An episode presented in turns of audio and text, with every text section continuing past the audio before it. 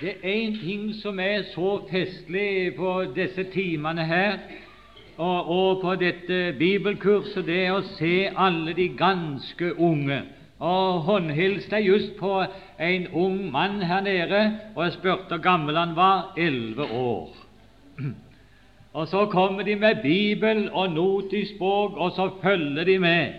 Men det kunne være interessant å se hvor mange er det her som er under 15 år må det rekke opp i hånd. Og en hel del. Men hvor mange er det som er under 16 år? Det er mange flere. Og når, når, når jeg spør når om 25 år, så er det fire femtedeler av salen. Og så er det noen som er henimot 80. Og Ole, han er 82.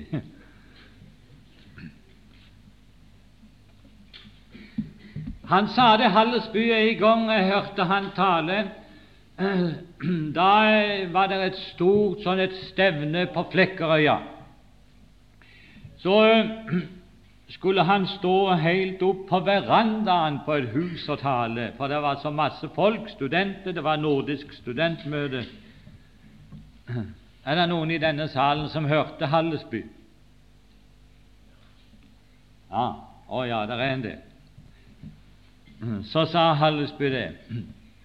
Ja, nå er jeg kommet høyt, men jeg skal nå gjøre forsøk på å komme ned til dere likevel, sa Hallesby. Og slik er det med meg. Jeg kommer høyt opp, men jeg skal forsøke å komme ned til de unge. Vi leser igjen det samme stedet fra Første Mosebok 2,18. Og Gud Herren sa, det er ikke godt at mennesket er alene. Jeg vil gjøre ham en medhjelp som er hans like. I, eh, I, formiddag da slutta med timen med syv tanker om bruden, altså det andre punkt to under Guds hensyn. Det var bruden i Guds tanke.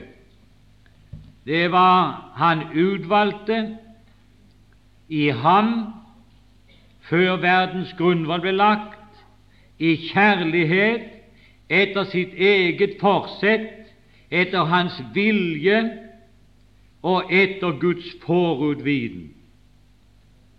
Alle skriftsteder fra Efeserbrevet kapittel 1 pluss 1. Peter 1, 1-2.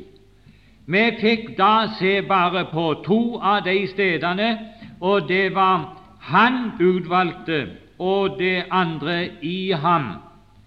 Så det tredje det skal jeg gå forbi. Det talte Aurebekk en del om, og kommer sikkert til å komme mer inn på det.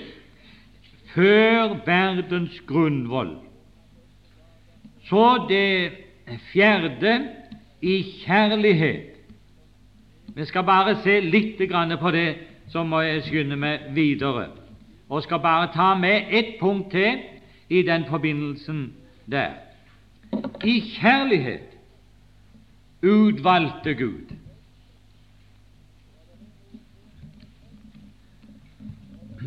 Her er, her er det hender sommertid i verden at det er to som møtes, en gutt og ei jente, og så heter det om deg det var kjærlighet ved første blikk. Det har de hørt, alle sammen. Når det gjelder ditt og mitt forhold til Gud, så vil aldri det finne sted at det blir kjærlighet ved første blikk. Det er intet menneske som har elsket Gud ved første blikk. Ingen. Men det var Gud som valgte i kjærlighet, for Han elsket. Og de Han elsket, var bare fiende.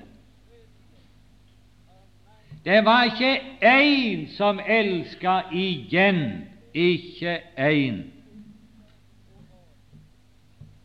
Hvis du vil lese om det, så kan du ta for deg Romerbrevet 3, og så kan du se menneskets innstilling til den levende Gud, Han som elsker de, ikke bare ved første blikk, men ifra evighet av.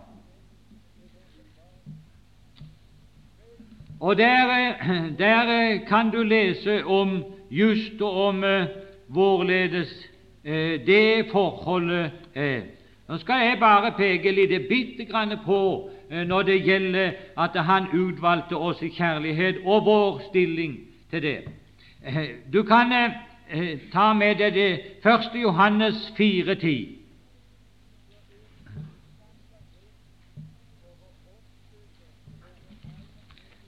Og det stedet der, det kan jo være greit for noen iallfall.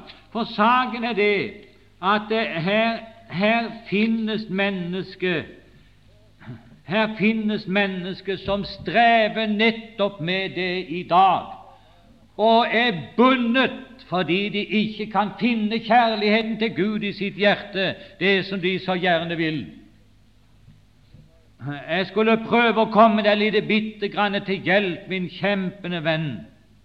Og her er det sagt på denne måte i dette er kjærligheten, ikke at vi har elsket Gud. Ikke at vi har elsket Gud, men at Han har elsket oss og sendt sin Sønn til soning for våre synder. Saken er det, min kjære venn, at det er ikke godt å elske Gud. Og nå har Bjerkreim vært så inne på det nå at jeg behøver bare å streke det under, det som Bjerkrem har talt om her, med hensyn til kjærligheten. Saken er det at det her finnes mennesker, og jeg var i den situasjonen at jeg tenkte at før jeg kommer til Gud, før jeg blir et Guds barn, så må jeg vel kjenne noe her. Jeg må føle en trang. Jeg må føle noe av kjærligheten for i det hele tatt å kunne gi meg over til Gud. Den vrangforestilling levet jeg i i lange tider, i månedsvis, og jeg kjempa mest livet av meg for å så tilveiebringe en kjærlighet til Gud, og jeg greide det ikke. Inntil jeg fikk se det. Arne, det er ikke kjærligheten består at du elsker Gud, men at Gud elsker deg. Og saken er det, min venn, at mitt forhold, mitt indre menneske, mitt vesen, mitt alt, det var konsentrert om meg sjøl, og det var så gjennomsyret av synd at det var ikke brukbart noen ting av det her. Og Derfor heter det, derfor heter det videre om eh, det forholdet her, og det kan du lese om i, eh, det kan du lese om i, Romerbrevet 5.5. Og Så skal du se hvordan det foregjenger akkurat det som Bjerkreim talte om her i dag. At han elsker Gud langt mer i dag enn han gjorde ved det, uh, det som de kaller for den første kjærlighet. Han sier der i vers 5 Og håpet gjør ikke til skamme, fordi Guds kjærlighet er utøst i våre hjerter ved Den hellige ånd som er oss gitt. Ja, det er på den måten det foregår. Du skjønner vel det? Og, og, og, så komme til Gud med ei spann med låget på, det, det, er ikke godt å få noe i den. Først må det, det var det Nei, jeg har hatt en opplevelse nå den siste tid som, eh, som akkurat nå kom for meg, som jeg må være litt sånn impulsiv eh, og ta med det. Jeg må ta det med. Alf Reidar, gutten vår, den eldste av år, han er 27 år, levde med Gud i barneårene opp igjennom i den ganske ungdomsårene. Men så litt etter hvert kom han bort ifra Gud, og jeg levd der borte, ikke noe dårlig liv ute i verden, men iallfall bort ifra Gud, inntil for 14 dager siden, eller litt mer enn det. Så kom det telefon du vil få ut til, ham, uh, nei, ut til Dversnestangen. Det vil komme en telefon fra Oslo til deg uh, klokka ti i kveld. Og jeg innfant meg der i informasjonen for å ta imot den telefonen fra Oslo. Og så kom Alf Reidar, gutten vår. Så sier han det er skjedd saker og ting her, sa han. Han er i Oslo, og så var de på Hvaler, hadde vært ute der. Det er skjedd saker og ting her, sant? men eh, vi kommer hjem i morgen. Søndag morgen var vi på flyplassen og tok imot dem. Og når vi kom hjem, så forteller Alfreida det. Eh, jeg har gitt meg over til Gud. 27 år gammel. Han skulle just reise til Amerika. Jeg er blitt et Guds barn. Og så sa han, men det er så forferdelig vanskelig. Det er så grusomt hardt. Så sa jeg det til han, ja, nå vil du først få kjenne hva og oppleve hva djevelen er. Nå vil du få oppleve det. Men det er ikke det viktigste, sa jeg. Nå har du tillatt Gud å komme inn i ditt hjerte. Nå er Ifra det øyeblikket du sa ja, så har Han tatt styrelsen og ledelsen av ditt liv. Det er hovedsaken. Du skjønner det, du må ta låga spanna for at Gud kan utøse sin kjærlighet. Det var omtrent noe sånn jeg sa til Reidar. Ja. Guds kjærlighet kan aldri komme inn i ditt hjerte, for det er ingenting der. Det må øses ut i hjertet ditt. Og det gjør du ved å tillate Gud ved å si ja til Han. I samme nå så øser Han ut av sin kjærlighet i et menneskes hjerte. Og da først kan du begynne å elske ham. Og jo mer du lærer ham å kjenne, jo mer blir det utøst i ditt hjerte. Og så hender det at vi elsker Gud mer i dag enn vi har gjort noen tid, fordi at det der er mer av Guds kjærlighet som er blitt utøst i våre hjerter. Men det må begynne med at du tar løfter låg av spanna, for å bruke det uttrykket. Men da begynner det, og først da. Og så eh, må vi gå videre til neste. Du skjønner at det er ikke her vi skal stanse, men jeg måtte ha med et par ting til. En ting til. Og det var det siste, den syvende, det syvende punktet der. Vi var utvalgt, hele i Guds tanke, og utvalgt, som det står her i 1. Peter 1, 1 og 2. Peter, Jesu Kristi apostel til de utlendinger som er spredt omkring i Pontus, Galatia, Kappadokia, Asia, Betynia, utvalgt.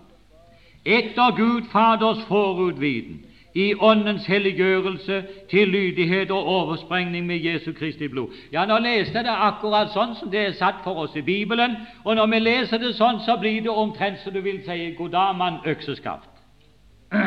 omtrent sånn blir det. Just fordi at det er ett ord som jeg tror for min del er plassert feil. Det er ikke feil i Bibelen, men det er altså inndelingen av Bibelen som, som de kan være litt uheldig, og det tror jeg just den er der når det gjelder inndelingen av versene. Og det er så, det er jo noe som springer oss i øynene med en gang vi ser det.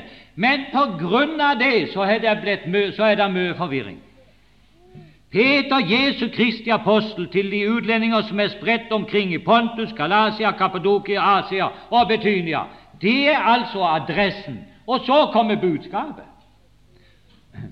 Så åpner du konvolutten, og så får du se innholdet, og det begynner med det ene ordet der utvalgt etter Gud Faders forutviten. Og da blir det en helt annen sak. Vi er ikke bare utvalgt, det er vi, men vi er utvalgt etter Gud Faders forutviden. Jeg kjente ham fra evighet av, sa apostelen. Og hør nå Det var ei tid i mitt kristenliv Jeg taler fremdeles til de unge. Det var ei tid i mitt kristenliv at jeg levet sånn. Den ene dagen så syntes jeg det gikk nokså godt og greit.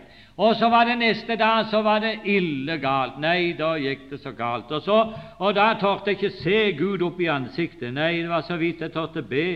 Eh, men så når det hadde gått en liten stund, så begynte det å gå så tålelig skikkelig igjen. Og så, og så var jeg glad og fornøyd, og så kunne jeg liksom se opp i Guds ansikt. Men det var ikke så lenge det varte, så bar, barka det inn i mørket igjen, på grunn av synd og skam og elendighet og alt dette her.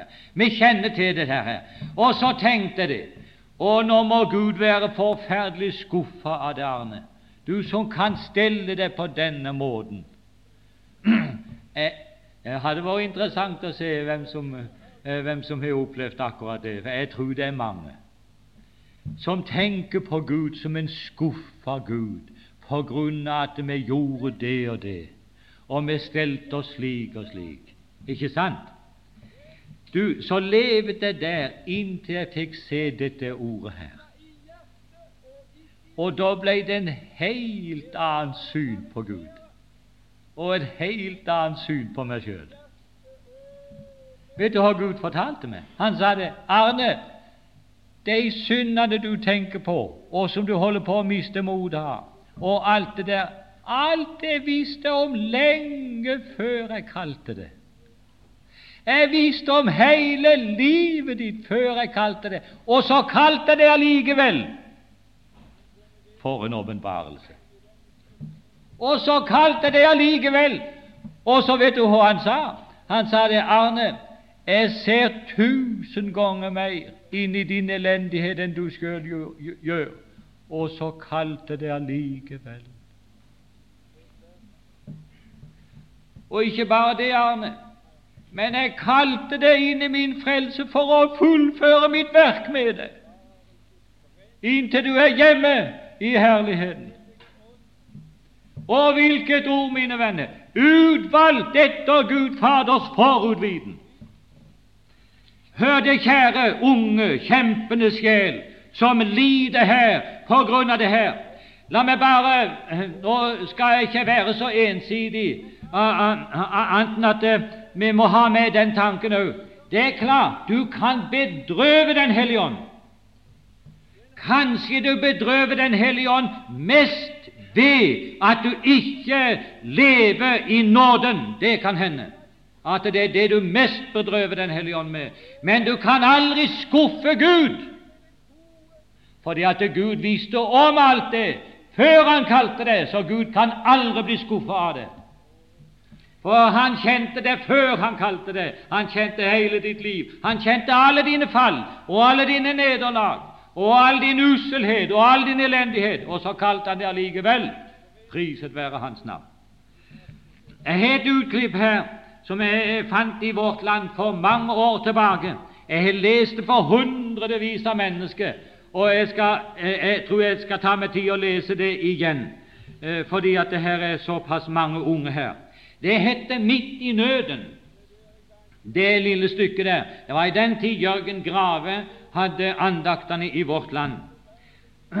Han er gått ut ifra ei sangstrofe. Det er et herlig evangelium i disse linjene fra salmen. Frelst av nåde, jeg salig står midt i all min nød. Men det er vanskelig å fastholde sannheten i disse ordene under hverdagens kamp. Så ofte glir vi inn i den tankegangen at det er utfallet av vår helliggjørelseskamp som blir avgjørende. Fikk du tak i det? Altså enten det er seire eller tape, det er det som er avgjørende. Det tror vi. Så sier han vi syns stundom at vi får noen dager som det lykkedes. Ånden er villig. Den blir heller ikke lammet av det skrøpelige kjødet. Vi syns faktisk at det går framover. Og det er aldeles ikke så vanskelig å tro nåden. Og jeg husker godt de tidene. Men så kom andre tider Ånden var nok villig innerst inne, men det forunderlige kjødet fikk overtaket. Det ble nederlag. Da var det ikke så lett å tro nåden. Da ble det nød. Og nå er jeg glad for det som kommer etterpå her, skal du høre. Og nå må du holde deg fast i stolen, for, for her er det kost god kost. Nettopp i slike situasjoner trenger vi til å lytte til disse ordene fra Kirkefaderen. Du kan tro jeg er glad til den kirkefader som har skrevet dette, her, at ikke det er noe jeg har komponert sjøl. Nei, så sier han, Kirkefaderen, når jeg her på jorden kjemper mot en ydre, ganske bestemt synd, som det er vanskelig å få bukt med, må jeg tro at den samtidig er tilgitt i himmelen. kampen skal ikke forstyrre samvittigheten og troen, for troen hviler ikke på kampens utfall, altså enten er seier eller tape, men i Guds løfter, der hviler troen. At ikke de roper halleluja, er helt for stygt, det. Ja, det er helt for stygt for. Må jeg tro at den samtidig er tilgitt i himmelen? Kampen skal ikke forstyrre samvittigheten og troen, for troen hviler ikke på kampens utfall, men i Guds løfter, osv. Din frelse, og nå må du holde deg fast, særlig du som er ung, din frelse gjelder også når du lider nederlag.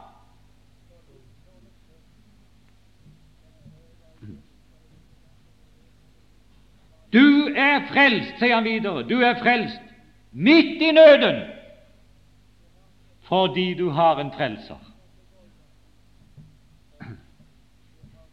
Som Rosenius kan også du sie holder ikke min kristendom Og hvem gjør han det for? Holder ikke min kristendom, så holder min Kristus. Halleluja. Takk og lov. Ja, nå kan du si halleluja ti ganger. Og hør, mine venner, det er jo nettopp det som det fortelles om her. Vi er utvalgt etter Gud Faders forutviten. Hvorfor kan vi da være frimodige? Hele vår frelse er i Kristus. Og den holder selv om jeg lider nederlag. Priset være Gud.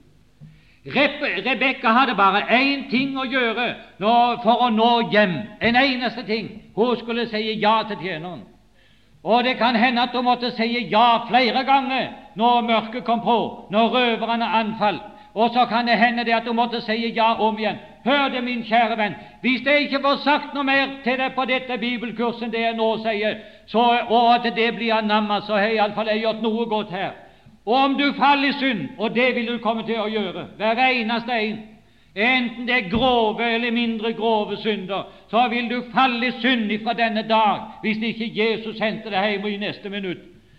Så vil jeg bare be deg om én ting, og det er reis deg opp og fortsett på veien. Det er ditt eneste håp.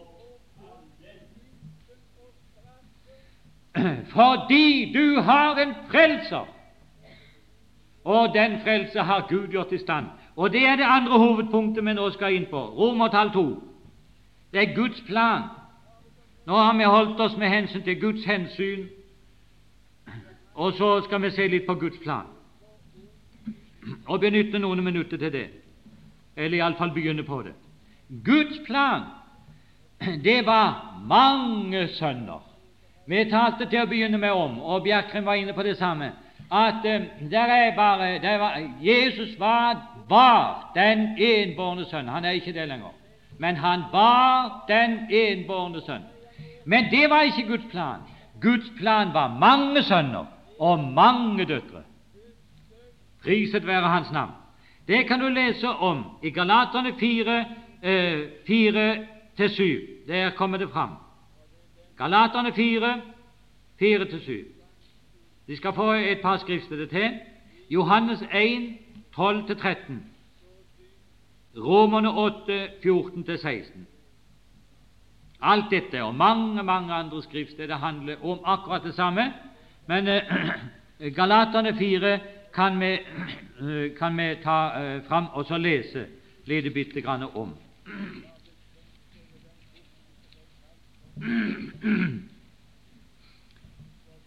4, 4-7. Men da tidens fylde kom, utsendte Gud sin sønn, født av en kvinne, født under loven, for at han skulle kjøpe dem fri som var under loven, for at vi skulle få barnekår. Og, sier han, fordi I er sønner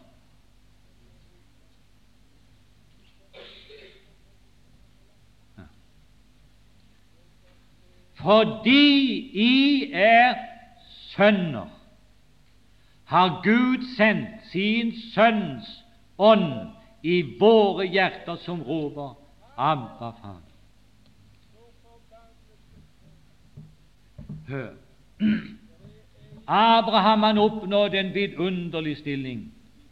Han oppnådde å bli en Guds venn, men han oppnådde aldri å bli en Guds sønn. Det skjedde først etter Jesu oppstandelse eller ved det fullbrakte verket på Golgata. Når det var ferdig, først da kunne Jesus sie 'mine brødre'. Nå var ikke Jesus den enbårne sønnen lenger. Nå var det mange. Kan du tenke Nei, vi kan ikke. Det er helt umulig å få tak i den tanken. Vi kan bare ane det.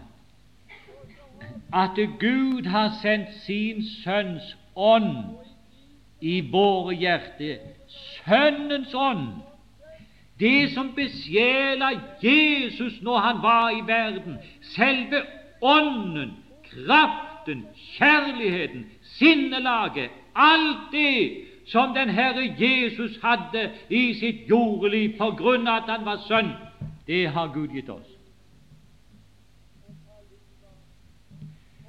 Det er ikke bare en produsert kjærlighet i mitt hjerte eh, som jeg har greid å få i stand ved å se og oppleve forskjellige ting i Guds rike.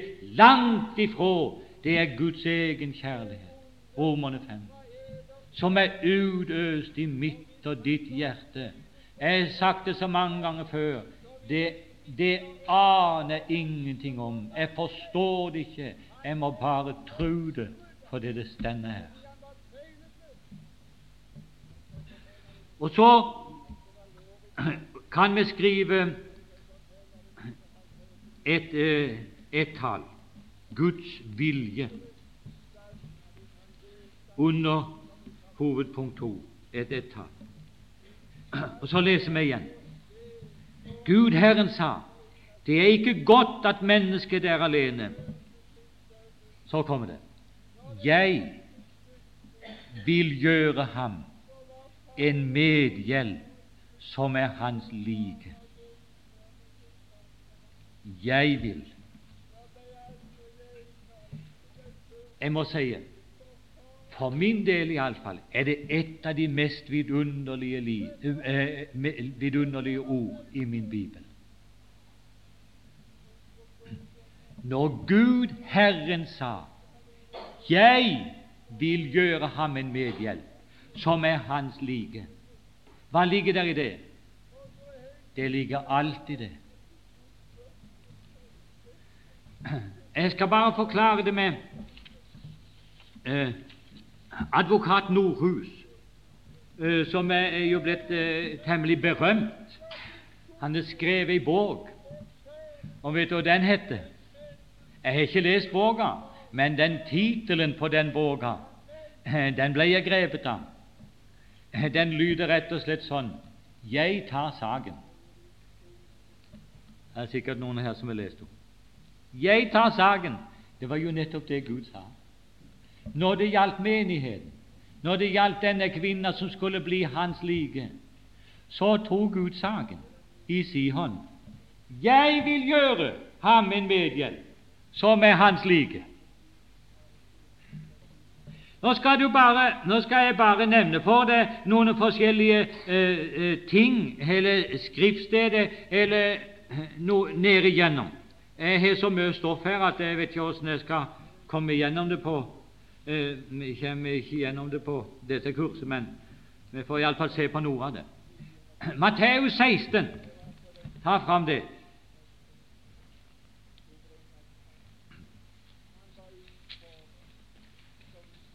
fra vers 21 til og med 23.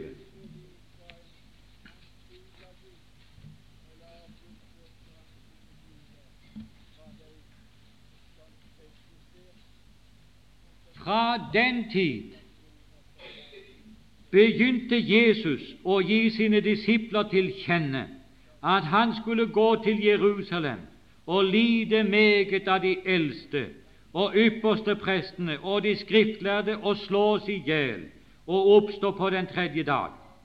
Da tok Peter ham til side og begynte å irettesette ham og sa:" Gud fri deg, Herre, dette må ingenlunde vederfares deg. Men han, Jesus, vendte seg og sa til Peter:" Vik bak med Satan, du er med til anstøt, for du har ikke sans for det som hører Gud til, men bare for det som hører menneskene til. Der kommer denne saken eh, fram. Eh, her er noe som hører Gud til, ville, sa Jesus til Peter. Men hva var det i dette tilfellet som hørte Gud til? Hva var det? Jo, Det er klart det at det var at han skulle gå til Jerusalem. Han skulle lide meget. Legg merke til det. Han skulle lide meget av de eldste og ypperste prestene. Han skulle slås i hjel, og så skulle han oppstå på den tredje dag. Og så går Jesus hen og sier det til Simon Peter. Dette er noe som hører Gud til, Simon. Kjære deg, Er ikke dette noe som hører den romerske hærmakt til, og som hører fariseerne og de skriftlærde til, og som hører Judas til? Nei, å nei, Simon. Det er bare Satan som snakker slik. Nei, dette her er noe som hører Gud til. Og nå må jeg få lov å spørre, og jeg skulle ønske det var noen som ville svare i salen her. Hvorfor var det Jesus måtte gå til Jerusalem og lide meget, slås i hjel, pines under Pontius Pilatus, hudflettes og spigres til et kors? Hvorfor måtte han gå den veien? Er det noen som vil svare på det? Ja, da skal jeg svare sjøl. Han måtte gå den veien for mine synders skyld. Er ikke det rett? Ja vel, sier Jesus, men det er noe som hører Gud til det. Hva vil det si? Det vil si at Gud hadde tatt min sak i sine hender og nå holdt han på å føre den til ende med seier.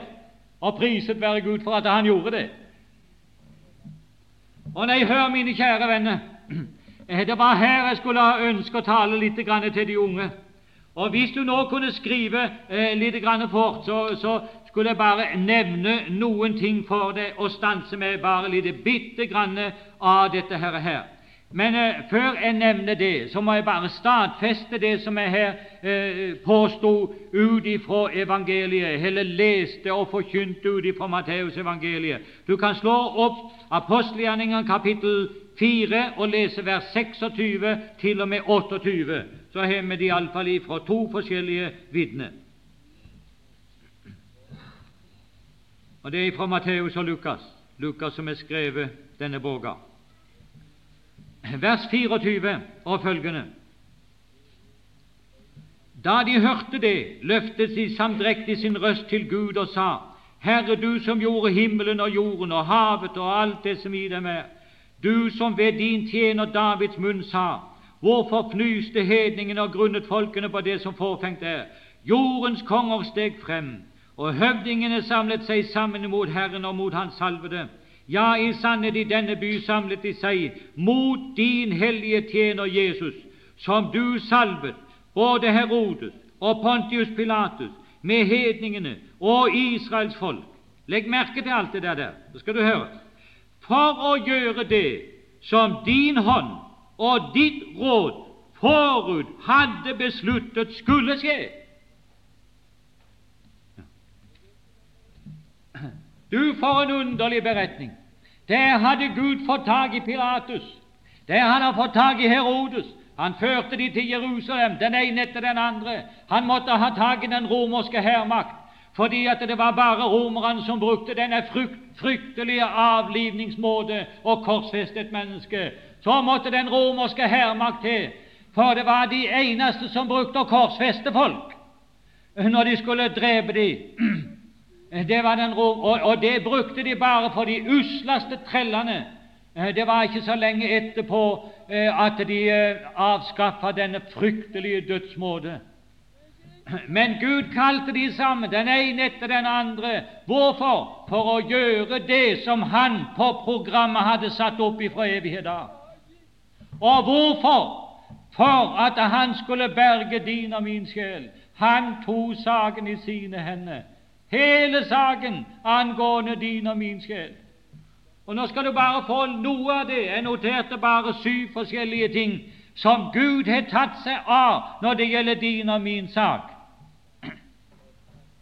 Og hvis du noterer fort, så skal det gå. En, mine og dine synders sak. 1. Peter 4,1. Du kan bare skrive et enkelt ord synders.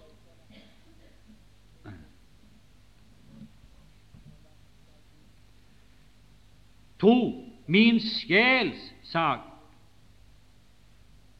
Klagesangen 358.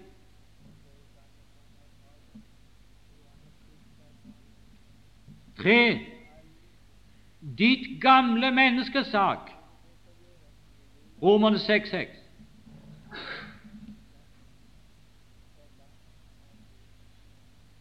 Du får ikke tid å slå opp alt det her, men noter det ned. Ditt livs sak. Kolossenserne 3-4. Fem. Din frelses sak. Antimotius 1,9.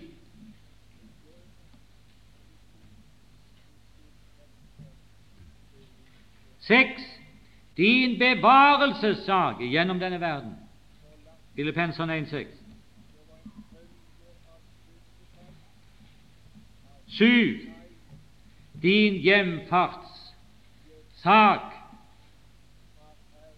Første Tessaloniker 4,14. Hvor du leser hen i disse skriftsteder, så skal du se det er Gud som handler hele veien gjennom alle ting.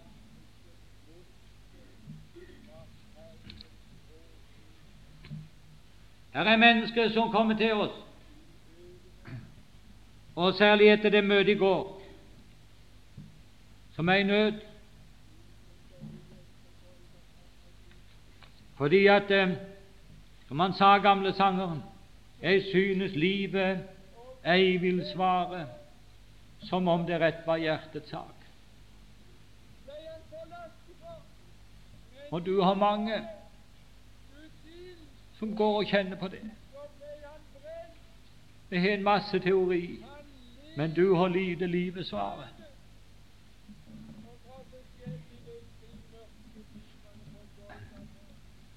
Hvis vi hadde hatt tid til å gå igjennom dette her Nå har vi ikke det. Jeg skal bare peke på noe ganske lite bitte grann den lille tiden vi har igjen.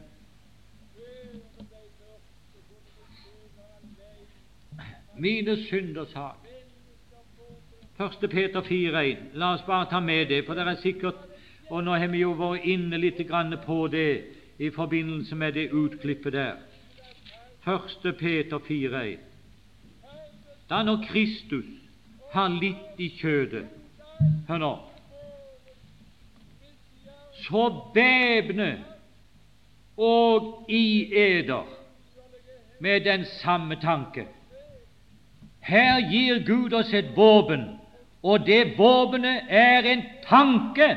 Du skulle tenke at det var nokså abstrakt og, og, og nokså svakt våpen. Tenk en tanke! Hør, min venn. Det finnes ikke den makt i verden som er så sterk som det våpenet. Den tanken der, det finnes ikke. Og nå skal du høre hva den tanken er for noe at de væpner eder med den samme tanke at den som har litt i kjødet Hvem er det? Det er Kristus. Han er ferdig med synden. Med hvilken synd? Med min.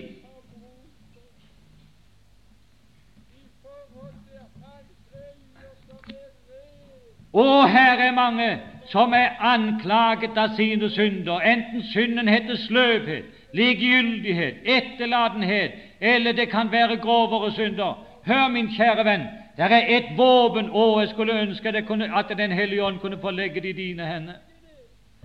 For da vet jeg det at da ble du fri. Da ble du glad. Da ble du lykkelig. Hør! Kristus har litt i kjødet og gjort seg ferdig med synden. Med dine synder. Med mine synder. Og ikke bare de grove fallene, ikke bare nederlagene, ikke bare det som angår det ydre, men hør alt som heter synd, er han ferdig med. For meg! Priset være Gud. Så er jeg fri. Hva fri til? Fri til å gi meg hen til Han i tjenesten. Og hvilket våpen! Min sjelsak, det var, det var den andre. Det var Og så må jeg visst temmelig forslutte. Eh, klagesangen 358. Jeg skal bare sitere det. Herre, sier han, sier eh, Jeremias der, du har ført min sjelsak. Du har forløst mitt liv. Er det ikke vidunderlig? Det var en som tok seg av min sjelsak, min sjel, som var så besudlet og så elendig og så fortapt. Og så var det en som tok seg av min sjelsak og førte den til ende med seier. Du har ført min sak. Han gjorde det gjennom Kristus. Det gjorde han. Det var mediet som han brukte. Det var den Herre Jesus. Men det var Faderen som førte saken. Min sak i en annen person. Jeg kommer bare på eh, og, og, da må jeg slutte med det. Der borte, Det var borte i Danmark, tror jeg det var, eh, så eh, var det ei kvinne der. Hun hadde, hun hadde lite penger, og så var det og spekulerte litt på hvordan hun skulle få litt flere penger, for hun trengte det visst såre. Eh, jo, så tenkte hun jeg, jeg, jeg prøver på en sindrig måte å sette fyr på huset. Så får jeg, så fær jeg summen. Ja, her er ikke så få som har gjort det, tror jeg. Ja, ja. Jo da, hun fikk det til. Jeg vet ikke hvordan, men eh, hun var bortreist eller hoven har huset brant opp. Men hun hadde iallfall fått det veldig sindrig og fint til, eh, slik at, eh, at eh, eh de fatta nok mistanke. Så, eh, så eh, assuranseselskapet de ville ikke godvillig gå med på og så, og så betale ut forsikringssummen Eh, det ville de ikke, men de engasjerte eh, en eh, ja, advokater de, de, vil si de ville ha en rettssak på dette her, for å få klargjort det. Og de kom med, med sine folk. Men kvinna var ikke snauere hun, enn at hun gikk av sted og så engasjerte hun den beste advokaten som hun fant i byen. Og, og fikk han til å føre hennes sak. Og så, vet du, så løy han hua full om denne brannen og alt dette her, men han toner saken allikevel. Og det var så glimrende en advokat at eh, når han var ferdig med sin prosedyre, og dommerne trekte seg tilbake og kom ut igjen et, eh, etter ikke så svært lang tid, eh, så sa de så dømte de denne kvinna for fri å være og uten skyld. Og dermed var hun fri. Det var da eh, hennes advokat gikk bort til henne, og så hviska han henne forsiktig inn i øret, så sa 'Nå kan du gå, men det lukter svidd av det.'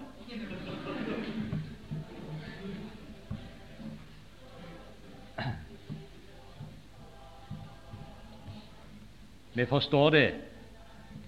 Vi forstår det. Hør, min venn når Gud har ført din og min sjel sak, og du kommer inn i himmelen en dag, så skal det ikke finnes svilukt på en av oss.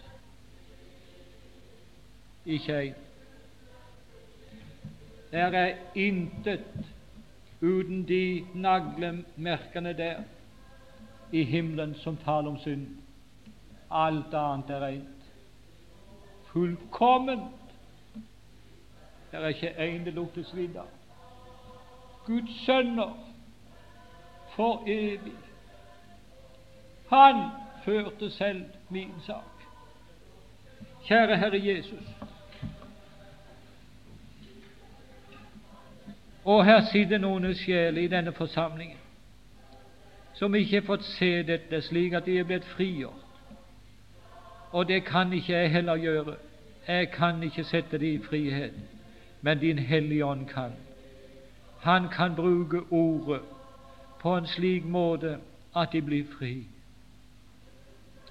Herre, vil du fortelle dem det, selv om vi kjenner på at vi strekker ikke til, og det gjør vi heller ikke, men alt det som ikke vi strekker til med, det hører bare med til tjenesten og intet til frelse, for den er ferdig, den er fullkommen, fullkommen. Og fullkommen i Guds øyne, så der er alt ferdig. Gi oss nåde og væpne oss med denne tanke hver eneste dag, slik at vi ikke skal ligge under for Satans snedige angrep, men at vi må gå seirende ved Jesus seier igjennom denne verden. Herre, det er vår bønn, slik at vi ikke skal bli opptatt med oss sjøl og vår frelse, men at vi må bli opptatt med å redde andre mennesker for himmelen. Herre, ber deg om det i Jesu navn. Og jeg takker deg for at du kan gjøre langt mer enn vi forstår å be deg om, og takker deg for at du hører våre bønner. Så vil vi også legge kveldsmøtet i dine hender, og vi ber om, Herre, at Din Hellige Ånd må være mektig til stede, slik at sjelen kan settes i frihet, at syndere kan bli frelst, at dine barn kan bli en glad flokk. Herre, vi ber om det og takker deg for at du hører oss i Jesu navn. Amen.